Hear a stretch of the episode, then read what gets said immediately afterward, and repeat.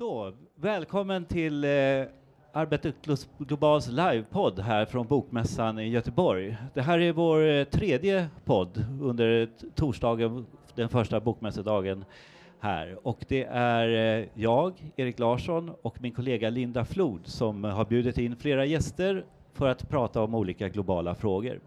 Idag har vi med oss eh, Joakim Medin, journalist, författare. Och eh, du har skrivit flera olika böcker, bland annat om högerpopulismen i Ungern, men din senaste bok handlar om sexturism i Thailand. Välkommen! Tack så mycket. Eh, berätta lite, vad är det för bok du har skrivit? Ja, den heter alltså eh, Thailandssvenskarna. Eh, och det är en bok där jag eh, går undercover och wallraffar bland svenska manliga sexköpare i, i Thailand. För att få insyn i en subkultur som vuxit fram där. Där man dels förstås då köper sex eh, och eh, i den kontexten har värderingar och åsikter om kvinnor, feminism, jämställdhet som, eh, som eh, är annorlunda kan vi säga än vad, än vad det svenska majoritetssamhället har. Samtidigt så sätter sig de här männen de placerar sig själva in i, eh, in i en po politisk kontext, in i den politiska polariseringen i Sverige. Så de pratar också väldigt mycket om, eh, om den svenska invandringspolitiken, integrationspolitiken, hur Sverige på grund av de sakerna och feminism och eh, andra frågor som omfamnas av majoritetssamhället i Sverige eh, leder till en kollaps av Sverige. Och det var mycket intressant att få insyn i den här, i den här eh, subkulturen och höra hur de pratar, för jag, ident jag identifierar det som en av flera faktorer som bidrar till den nya, eller pågående polariseringen i det svenska samhället. Men vad var det för män som åkte till Thailand? Hittade du något gemensamt mönster? Vilka är det som är sexköpare egentligen? Eh, det både finns och finns inte eh, mönster som förenar de här männen. Eh, dels så kommer de från alla möjliga slags bakgrunder, socioekonomiskt sett. Precis som, som sexköpare gör generellt. Både de som reser utomlands som sexturister och som stannar kvar i Sverige och köper sex. Man kan vara av alla möjliga socioekonomiska bakgrunder, man kan vara av alla möjliga åldrar. De här männen som jag träffade var mellan 20 och 70 års åldern. De flesta var någonstans i spannet 40 till 60 års åldern. Hur kom du på idén då? Jag blev eh, anlitad, eh, fick ett uppdrag av nätverket Schysst Resande eh, förra våren, för ett och ett halvt år sedan. Och tackade ja till att skriva en studierapport där jag skulle eh, skriva om sexturism i Nederländerna, Spanien och i Thailand och resa och göra fältarbete i Thailand. Jag tackade ja för att jag såg det som en ny intressant och viktig utmaning där jag skulle då vara också undercover. Men också för att det här är ett ämne som har intresserat mig eh, ända sedan jag faktiskt skrev mitt projektarbete i gymnasiet 2002 och då gick och wallraffade på en sexklubb här i en, eh, i en eh, förstad till Göteborg. Mm. Och, eh, och skrev också där om, om tecken på sexhandel i mm. den klubben. Mm. Mm. Men hur är det att wallraffa som eh, sexköpare? Det är ju egentligen det du gör. Liksom så här. Du utger mm. dig för att låtsas vara en sexköpare. Hur, vad mm. tänker du när du gick och la dig på kvällarna? Liksom så här, det... Ja, alltså på, fl på, flera sätt så det här varit en av mina allra jobbigaste uppdrag jag, jag, eh, jag har genomfört. Därför att jag har eh, inte naturligtvis kunnat, jag har ju aldrig tappat masken. Jag har hela tiden skådespelat och jag, jag, jag lyckades, jag blev aldrig avslöjad heller. Så jag är uppenbarligen ganska bra på att skådespela. Eh, men det innebar också att jag ställde inga kritiska följdfrågor till de här männen. Jag opponerade mig inte mot vad de sa, eller vad de gjorde, eller vad jag hörde dem föreslå göra. Utan jag satt bara och var tyst, eller nickade, eller instämde till och med för att bli accepterad som en i gänget. Mm. Eh, och det gjorde att jag, att jag fick eh, unikt tillträde till sådana här kretsar och fick en unik insyn naturligtvis. Men samtidigt så var det ganska tufft att inte att behöva bära på det här och att inte, jag var ju ensam där, inte ha någon att anförtro sig till att tala med efteråt. Eh, men jag har jobbat i, i, extrema miljöer förut som journalist och jag visste att det här också skulle bli extremt och en utmaning. Jag, jag tänkte på det, du säger ju att du har jobbat i extrema miljöer förut. Alltså du har ju bland annat rapporterat från Syrien och ditt eh, namn och ditt ansikte figurerade i media när du eh, greps i Turkiet, om, jag minns rätt. Eh, Ja, alltså, i Syrien eh, och, och i Turkiet. Ja. Ja. eh, var du inte rädd att bli igenkänd? Eh, I början så var jag det. Eh, när jag eh, skulle göra min första månad undercover så hade jag först en idé om att jag skulle köpa på mig en massa eh, märkessportkläder och bära keps och, och på något vis. Eh, men sen så Sen så insåg jag att mitt ansikte var inte alls bekant och eh, det är ju av den eh, ganska tråkiga och bittra anledningen att eh, inte alla svenskar följer nyheterna längre. Mm. Så även om mitt ansikte är, är väldigt eh, bekant i vissa kretsar så är jag inte alls bekant i andra ganska stora kretsar i Sverige. Mm. Men efter det här så kan man kanske säga Nej. att ditt ansikte kommer att vara be bekant bland torskkretsar i Sverige kanske? Jo, men sen då så, så Hur länge var, får jag ju- fråga, hur, du sa första månaden, hur Ja, länge var du? Först, jag var först undercover i en månad och det Mm. var i fjol. Mm. Och sen så publicerades då en studierapport Mm. av Schysst resande. Och efter det så var jag ju en hel del i, i, i medierna och i tv och sådär och fick ta emot väldigt mycket hat och hot och dödshot från sådana här män. Mm. Och då när jag reste ett andra eh, månaden undercover, då eh, la jag mig faktiskt till med en förklädnad. Då odlade jag ut skägg och mustasch och färgade det svart och klippte håret kort och, och färgade svart Ja, okej. och hade lösörhänge och, och, och, och låtsasglasögon och, och såg ab absolut inte ut som mig själv. Min pappa, min pappa kände inte ens igen mig på bild. och då, då var jag ju förklädd. För då, Mm. då, då var jag ju lite mer, eh, då tänkte jag att det finns en ökad chans att man skulle bli igenkänd. Mm. Ble- ble- Blev du ifrågasatt någon gång? Jag tänker så här, varför är inte du med någon, varför hänger inte du med någon tjej? Varför är det ingen som, varför går inte du hem med någon? Varför, eller? Ja, flera Alltså, gånger. ja. Ja. Och då hade jag oftast ett och samma knep. Jag sa att jag, eh, när jag var på väg för att ansluta mig till er här i baren, så blev jag, eh, så blev jag invinkad av en, av en fantastisk vacker eh, dam till en massagesalong. Och där fick jag världens omgång, så nu är jag helt slut från midjan och neråt ikväll igen. Så eh, nu behöver jag inte ha någonting ikväll. Så ni får, ni får bära fanan högt istället. Okej. Och då, Mm.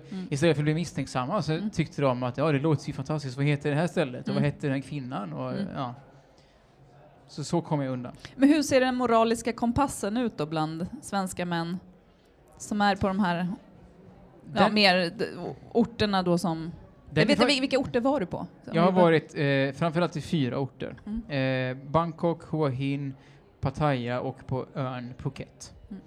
Eh, den moraliska kompassen är faktiskt eh, mycket mer komplicerad än vad man kan tro. Det är för att å ena sidan så lämnar de, ifall de ens har haft en moralisk kompass gällande hur man behandlar kvinnor och sina medmänniskor och eh, eh, sin vokabulär och sådär, så de har lämnat den i Sverige när de väl kommer dit. Och det är ett fenomen som man kan hitta hos många turister. Inte bara de som köper sex, utan hur man beter sig generellt. Samtidigt så höll de fanan högt vad gällde sin tro på att vi ska behandla det är för jävligt att svenska kvinnor behandlas så illa av, av eh, utländska män och att de blir gäng, gruppvåldtagna av araber och allting de kan kasta ur sig. Så de var väldigt noga med att man ska behandla kvinnor, eh, svenska kvinnor väl. Och sen, några minuter senare, så kunde de gå då sexuellt utnyttja en, en fattig thailändsk kvinna utan att se någon som helst dubbelmoral i det. Mm. Och, ehm, och de eh, kunde också, det var ganska lätt att komma in, ganska många av de här männen eh, som jag träffade tillhörde den svenska arbetarklassen. Och det var bara för att jag av ekonomiska skäl själv besökte lokaler, barer, klubbar, restauranger där det var ganska billigt att äta och dricka som konsument. För jag hade inte själv råd att hänga på dyra platser där det förstås hänger svenska sexköpare som har mycket godare ekonomi. Eh, och de här männen satt och det var ganska enkelt att komma in i den här bubblan, kompisbubblan med dem, genom att också sitta och, och prata illa om de rika och prata om, om samhällsproblem och utmaningar och, och eliten i Stockholm och allt det här. Jag bredde på mig göteborgskan och så här. Och då, då, det var ganska enkelt att få medhåll och komma in i den Mm. kretsen. Vi ska inte, Så på det viset hade de också ganska många moraliska eh, alltså tankar och, om vad som är rätt och fel i samhället. Mm. Vi ska inte spoila hela din bok, eh, men, Nej. men v- ska du fortsätta? Eller är det slut? Är, är liksom, har du satt punkt för? Thailand? Eh, nej, jag sätter aldrig punkt. Inte för det jag skriver böcker om i alla fall. Däremot så, så varje gång jag har skrivit en bok så, så har det blivit så att jag effektivt eh, hindrar mig själv från att kunna få tillträde till vissa scener igen.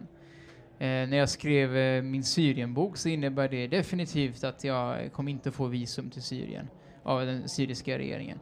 När jag skrev min Ungernbok så på bokreleasen i Stockholm så dök den ungerska ambassaden upp och började leva rövare och bråka. Och eh, det innebär att jag kommer svårligen att få prata med den sidan igen.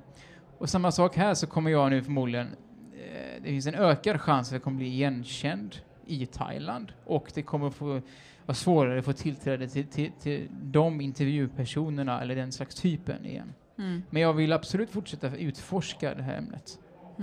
Eh, Jag tänkte på, alltså i någon bemärkelse, det är ju en hel eh, bransch eh, där människor livnär sig och sysselsätter sig på. Jag tänker på sexbranschen.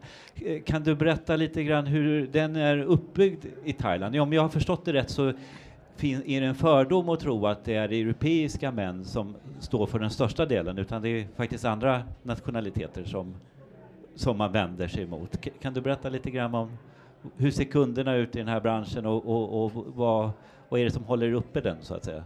Ja, men precis. Eh, jag har ju talat med olika eh, Eh, människorätts och barnrättsorganisationer och så här. Och, eh, och barnrättsorganisationen ECPAT till exempel sa till mig att det, det är flera år sedan nu som, som asiatiska män gick förbi de västerländska männen som den största, den största gruppen av sexköpare i Thailand.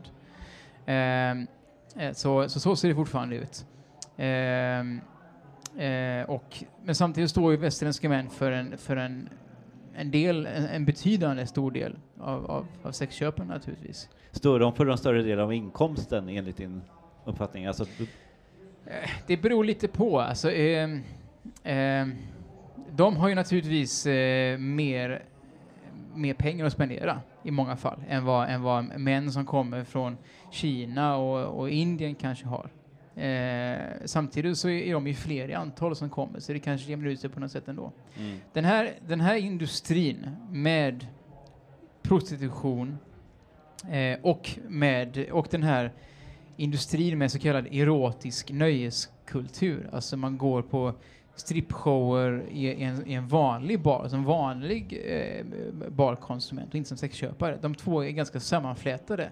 Samtidigt som det är sammanflätat med den internationella turismen överlag i Thailand. Och det betyder att det här är en väldigt viktig och stor ekonomisk sektor som inte bara eh, hallickar och, och sådana här klubbägare och kvinnorna och de, de, de män som finns i prostitution eh, tjänar pengar på. De som är i prostitution tjänar ju minst naturligtvis. Men inte bara de som tjänar pengar på det här, utan det är också de som, som, som, som säljer droger till sexturister som tjänar pengar på det här. Det är dörrvakterna som kastar in och ut folk. Det är taxichaufförerna som kör dit och hem folk som också tjänar pengar på det här. Så Mm. det, ja. Du nämnde Spanien, att du hade gjort något också inför den här rapporten, studien. ja. Ja, jag kanske minns helt fel, men jag har bott i Spanien för länge sedan. Men är, är det så att man, är, man kan vara organiserad som prostituerad där? Nej, det är snarare i Nederländerna. Okej, för Mm. då kanske det bara var tal om att det var Mm. på G där då. Mm, Okej, Mm. så det, det är inget så att de har några, att försöka få högre status så att säga? Alltså, I, så ligger det till i Nederländerna. Ja. I, I Spanien så är det avreglerat det här. Men det är fortfarande mycket mer diffust kring eh, vad som egentligen gäller och ett fåtal kommuner, mycket få, men ett fåtal ändå kommuner, Mm. Till exempel Barcelona, har försökt införa lokala regler för att på något sätt igen reglera det här. Men det Okej. har inte fallit särskilt väl ut och ja. det är mycket mer diffus i Spanien än vad det är i, i Nederländerna Mm. där, där Mm. framförallt kvinnor och de män som också finns i prostitution har liksom eh, vissa som har, som, man kan ju registrera sig hos Skatteverket och så vidare. Men det är ju för de som faller in i den lagliga Mm. sektionen av prostitutionen. Det finns fortfarande en massa fortfarande så kallad olaglig prostitution. Där minderåriga och där trafficking-offer och där de som inte talar de här språken som det enligt lag måste prata för att vara en laglig så kallad sexarbetare inte kan. Mm. Och då hamnar man i den illegala sektorn och där far du fortfarande väldigt, väldigt illa. Mm. Eh, Du, du berättade tidigare att du, du började fundera med de här frågorna redan under specialarbete i gymnasiet. Alltså, Mm. vad, vad är det som har fått dig att fundera så mycket på just de här frågorna? Har du någon aning kring vad är det som har Ja, varför helt enkelt? Ja, det, fann, det fanns ju såklart då många år däremellan från att jag, jag, jag gick in i det här uppdraget då för ett och ett halvt år sedan initialt och att jag gick i gymnasiet. Det har ju gått många år däremellan. Men det var fortfarande så att, att eh, den här första inblicken jag fick eh, för nästan 20 år sedan nu då i den här miljön. Det var väldigt intressant eh, att, att helt enkelt bara eh, betrakta eller bekräfta att, att de har sån, en sån syn och sådana värderingar. Och här står jag och majoritetssamhället. Och hur, hur, hur det kunnat bli så? Och vad säger det om det svenska samhället? Vad säger det om, eh, om hur vi lyckas uppfostra våra medborgare? Vad säger det om hur vi lyckas uppfostra våra manliga eh, medborgare? Och, och har alla lyckats hänga med i utvecklingen? Har vissa hamnat på efterkälken? Är det så att vissa till och med eh, utövar ett extremt motstånd? Och vad säger de? Och kan man på något vis nå dem till en diskussion eller är det bara hopplöst polariserat? Mm. Och det här är verkligen frågor som jag inte fullständigt kommer fram till några svar i den här boken heller, men, men jag vill liksom peka ut det här ändå, att det här finns. Jag, jag tänkte på en, en sak. Eh, vi har inte kommit in på hur de här männen då rättfärdigar sitt, eh, sina sexköp. Mm. Liksom, vad, vad är det för förklaringar som de har angett till dig? Liksom varför de köper sex? Eller vad är din analys av? Det finns de kom, har kommit med väldigt många olika resonemang för att rättfärdiga det här. Vissa, vissa har gett uttryck för en, en, eh, en ensamhet, och manlig ensamhet är ett, om, eh, ett, ett, en fråga som jag också lyfter i boken när jag pratar med bland annat en, en prostitutionsforskare om att det är ett, ett stort och fortfarande ganska eh, outforskat problem i Sverige som leder till vissa extrema uttryck. Eh, andra har gett uttryck för en bitterhet eh, gentemot svenska kvinnor överlag för att man kanske har haft förhållanden som har kraschat och så vidare och då, man, då har man blivit bitter på alla svenska kvinnor och vill eh, hitta en annan slags kvinna. Och då har också vissa kommit fram till att ja, men det, det är feminismen och jämställdheten och den iven över sådana frågor som har förstört kvinnorna i Sverige. De är inte längre feminina, eller tillåter inte mig att vara tillräckligt mycket man längre och jag måste tvingas in i en mansroll som jag är obekväm med. De är och naggar i kanterna på min maskulinitet och det här förstör allting. Därför vill jag ha en annan slags kvinna och den kvinnan hittar jag utomlands. I det här fallet i eh, Thailand där könsrollerna ser annorlunda och betydligt mer konservativa och, och, och traditionella ut än vad, det, eh, vad de gör i Sverige. Mm. Du, du sa att det hade gått många år sedan du kom på, eller du, det här ämnet eh, från gymnasiet, men du har ju gjort otroligt mycket de då 20 åren, när, eh, efter gymnasiet, Mm. närmare 20 åren. Och eh, som 16, sagt, 16 år. 16 åren, ja, som sagt varit eh, i många olika länder, rapporterat. Vad är det som har lockat då med utrikesjournalistiken? Eh, ja, det var, inte, det var inte meningen att det skulle bli så här från början. Det är för att jag är ju egentligen utbildad gymnasielärare och är, Mm. har lärarexamen och har jobbat Mm. i flera år som gymnasielärare. Ja, du hunnit med det också? Ja. Herregud. Ja. Och, eh, och, ehm, men jag har hela tiden haft ett, ett, ett, ett intresse för internationella frågor, och utvecklingsfrågor, och internationell politik och så här. Och ehm, det har också lett till att jag har rest mycket. Och på olika vägar så hamnade jag i Honduras 2009 på sommaren. När det blev en statskupp där. Och där fick jag mitt första riktiga uppdrag som journalist. Att rapportera för en tidning i Guatemala tillsammans med en amerikansk journalist. Men det får man ju inte bara. Man får ju inte bara ett uppdrag. Du, sökte du efter dem eller fick du bara frågan? Nej, jag, jag stötte på den här amerikanen mitt i en Mhm. demonstration och han hade såklart blivit rånad på sin kamera. Det hade inte jag blivit. Och, och han sa kan du spanska? Och jag sa ja, ja, min är ganska kass. Vill inte du också gå och plocka upp några citat och fota och så skriver vi det tillsammans. Och så hamnar din bild också i tidningen och den hamnar till och med på ettan. Mhm. Och så blev det så. Och Okej. det, här, det, här blev, det här fick mig in på spåret att det här tyckte jag var otroligt intressant. Att inte bara bli vittne till någonting och sen ha det och sen ha fem vänner hemma och berätta för det om. Utan här Mm. kan man faktiskt sätta det på print och berätta för kanske tusentals eller ännu fler människor om någonting. Mm. Ja. Och vilket, eh, om du får välja ett nytt geografiskt område då, då som, du, som lockar? Det finns fortfarande ganska stora delar av världen som Ja. jag inte har besökt. För jag har haft, liksom haft någon tendens att ja, visst röra mig internationellt men också återvända väldigt många gånger. Eller tillbringa lång plats på vissa specifika ställen. Mm. Så det finns fortfarande, nu var det några år sedan jag arbetade i Latinamerika. Jag skulle absolut vilja återvända dit igen. Eh, jag, har inte, jag har inte alls jobbat i, i Afrika söder om Sahara. Ehm, jag skulle vilja utforska Sydasien och Sydostasien mer också. Samtidigt som jag vill bevara, fortsätta ha ett öga på Mellanöstern och Europa. Så det, Vi Ja. på Arbete Global, vi bevakar ju utrikesjournalistik fast du mer arbetar, arbetare och fackliga frågor och biståndsfrågor och så. Om Mm. du ser på den svenska utrikesjournalistiken eh, generellt, vad, vad tycker du fattas? Eh, ja, jag har haft faktiskt några samtal om det här med olika individer på sistone. Och det, det, det som fattas är kanske att man inte... Alltså om jag har talat med journalister som är lite äldre än mig så har de fått intrycket av att svenska medier förmår generellt, eh, åtminstone, inte längre eh, ha en överblick över flera pågående konflikter samtidigt.